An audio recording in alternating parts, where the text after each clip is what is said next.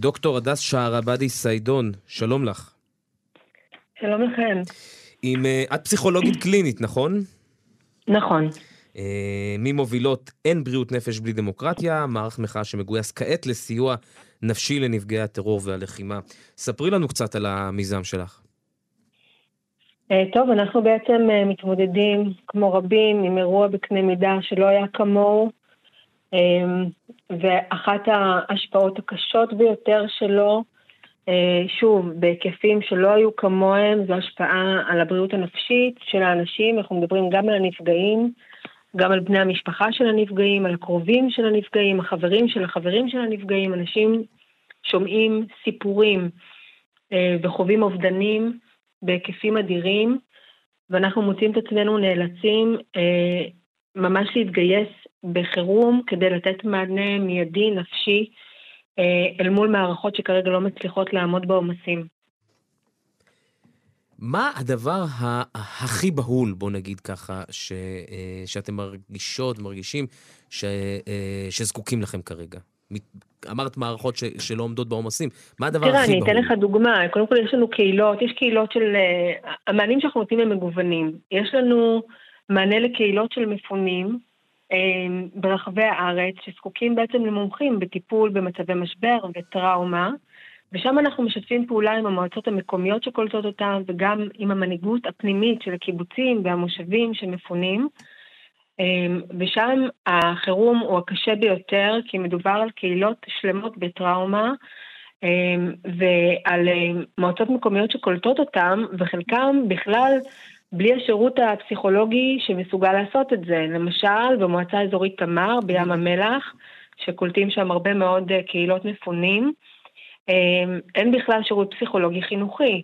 שירות פסיכולוגי חינוכי זאת הדרך שלנו לתת מענה לילדים שהם הנפשות הרכות והפגיעות ביותר, אה, גם דרך הדרכת הורים. אנחנו בעצם משלימים את המערכים שגם חלקם לא קיימים וגם חלקם לא עומדים בעומס. יש... באותה יש מידה איזה... יש גם פניות מהצבא, mm-hmm. יש פניות מבתי החולים. בכל מקום יש כרגע חוסר אדיר באנשי ונשות בריאות נפש.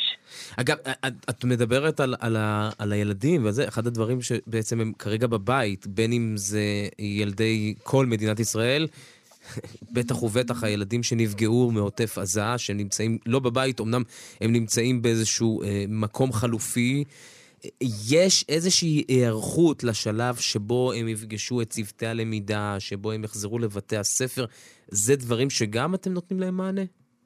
תראה, החזרה למסגרות היא בריאות כשלעצמה. ביום שבו הם חוזרים לשגרה, ילדים מגיבים לזה מאוד מהר. אחת הבעיות כרגע זה שאין להם שגרה.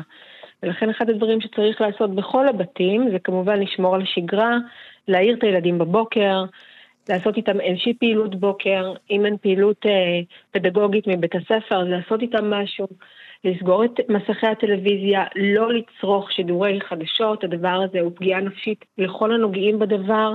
אנחנו יודעים מ-9-11 שהייתה פגיעה נפשית קשה בגלל שידורי חדשות קשים, שאנשים צפו בהם שעות, אנשים מגיבים כאילו הם היו באירוע עצמו. זה אמירה לכולם, אבל זה ודאי נכון לגבי הילדים. ילדים ומבוגרים לא צריכים לצפות בעצימות גבוהה בשידורי חדשות.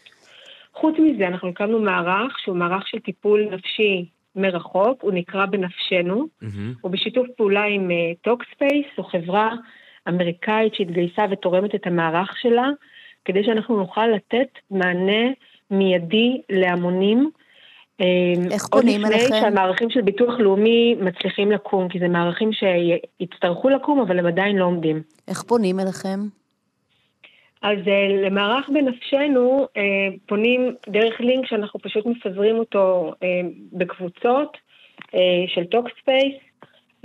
אני יכולה להעביר לכם, ה... אתם יכולים להעביר את זה אולי דרך המערכת שלכם, אולי באתר של כאן. אה, כל שיווק של זה יכול לעזור. לא, אז אנחנו נזמין אתכם פשוט היום... להוסיף את זה לחמ"ל של כאן, לקבוצת כן, את אה, יכולה, אפשר להיכנס לעמוד הפייסבוק של החמ"ל של כאן ופשוט לפרסם את הלינק. אנחנו נעשה את זה, זו עצה טובה.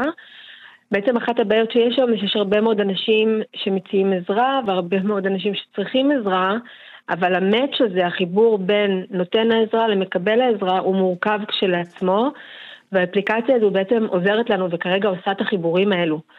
אה, זה מאפשר לאנשים לקבל מענה, אנחנו יצאנו לדרך אתמול וזה מדהים לראות גם את כמות האנשים שמתגייסים.